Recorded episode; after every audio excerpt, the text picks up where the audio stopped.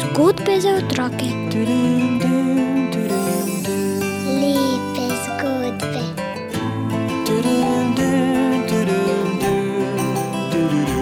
Bere nam jih Juri Sešar. O, lepo pozdravljeni, znova v našem radijskem podkastu, znova ob zgodbi, ki nas spominja na Božič, na lepe reči, na božično rožo, ja, prav na njo. O božični roži pripoveduje zgodba.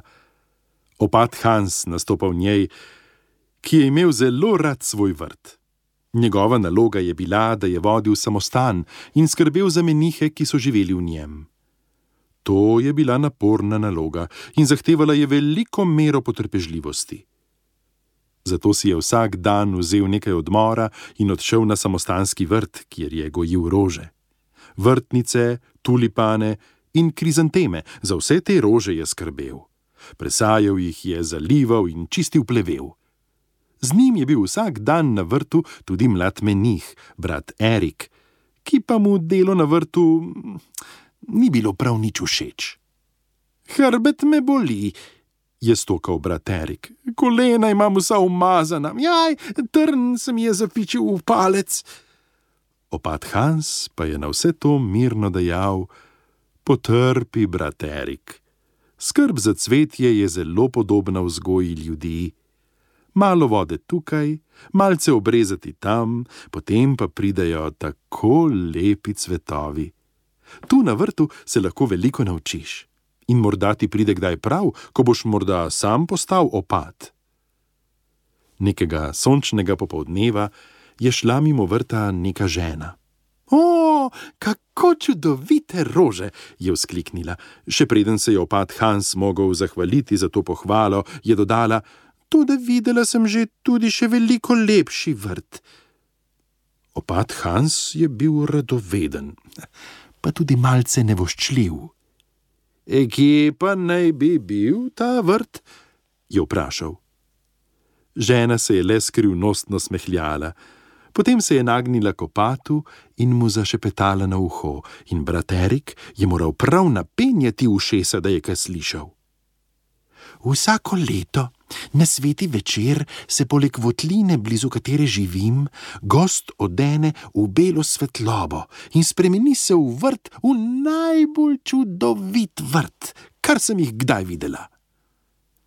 Opat je bil radoveden kot še nikoli.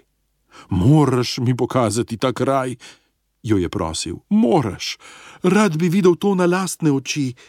Joj, tega pa ne morem storiti, je rekla žena in zmajala z glavo. Moj mož je bil po krivem obtožen, da je kradel, in ta votlina je zdaj njegovo skrivališče. Ko je to povedala, je odšla. Opat Hans se je vrnil k svojemu delu, toda kar naprej je mislil samo na oni drugi vrt, na tisti presenetljivi božični vrt. Hrbet me boli, je stokal brat Erik. Kolena so vsa trda in glej, trn imam v pavcu. Potem pa pojdi k drugim menihom, je zagodal opat Hans, preveč zaposlen z mislimi na oni drugi vrt, da bi se dajal svojim mladim pomočnikom. Po dnevi in tudi v noči brez spanca je opat Hans razmišljal, kako bi mogel videti tisti presenetljivi vrt.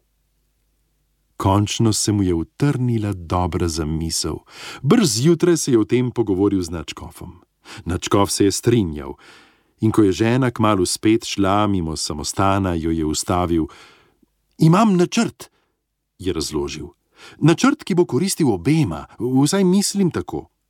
Načkov mi je obljubil, da se bo, če prinesem seboj kakšen dokaz o tem presenetljivem vrtu, cvetlico, korenino ali vejo, pogovoril s sodnikom o tvojem možu in ga prepričal o njegovi nedolžnosti. Žena se je za trenutek zastrmela v opata Hansa in ni bila prav gotova, kaj naj stori. Potem se je spet po svoje skrivnostno nasmehnila ter prikimala: Zmenjeno, je rekla. Na sveti večer bom prišla, da vam pokažem pot. In prišel je sveti večer, in z njim tudi žena. Opat Hans se je z bratom Erikom odpravil na pot. Joj, noge me bolijo, je godrnjal brat Erik, ko so šli čez polje. Ojoj, se, se, stopala me na smrt bolijo, je stokal, ko se je moral uspeti na majhen hrib. Oj, oj, je zakričal, ko je moral skozi robidovje. Drn se mi je zapičil v palec. Ej. Končno so prišli do votline in, kot je rekla žena, se je takoj videlo, da je njen mož prijazen in pošten človek. Opat Hans je bil nestrpen in bi rad videl vrt in občudoval njegovo lepoto. Zdaj pa je hotel tudi pomagati temu nedolžnemu človeku. Dan se je že nagnil v temno noč.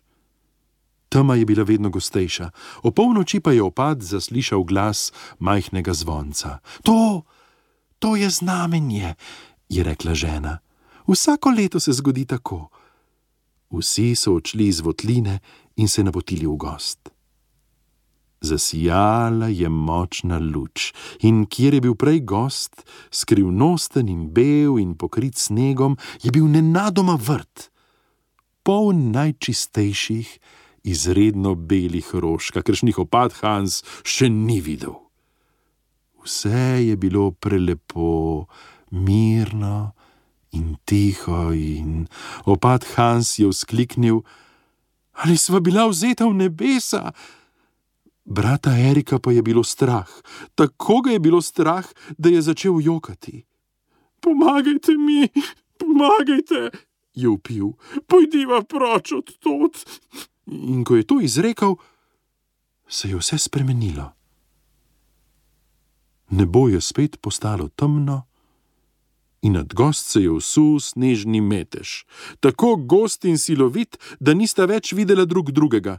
Vsak zase sta se opotekala nazaj proti votlini, in zadnji hip se je opad Hans spomnil obljube, ki jo je bil dal ženi.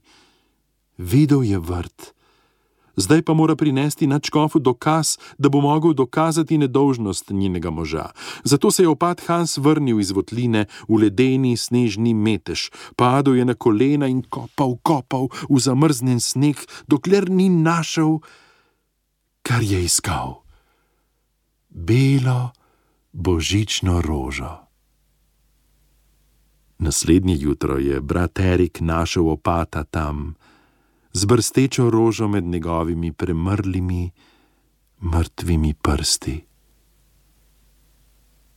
Spoštljivo je pobral opatovo telo in ga odpeljal nazaj v samostan. Ko je Načkov videl rožo in je bil ženin soprog oproščen, je brat Erik vzel tisto belo cvetlico in jo usadil na majhnem samostanskem vrtu. Zvesto jo je negoval vsak dan in nikoli več ni godrnjal, niti enkrat ne, kako trdo mora delati. Tako je prišla božična roža z nebeških poljan na vrtove navadnih ljudi. Ob njej se je tudi mlad menih, preobčutljiv in velik nergač, naučil potrpežljivosti in je postal celo opad samostana, najboljši opad, kar jih je ta samostan kdaj imel.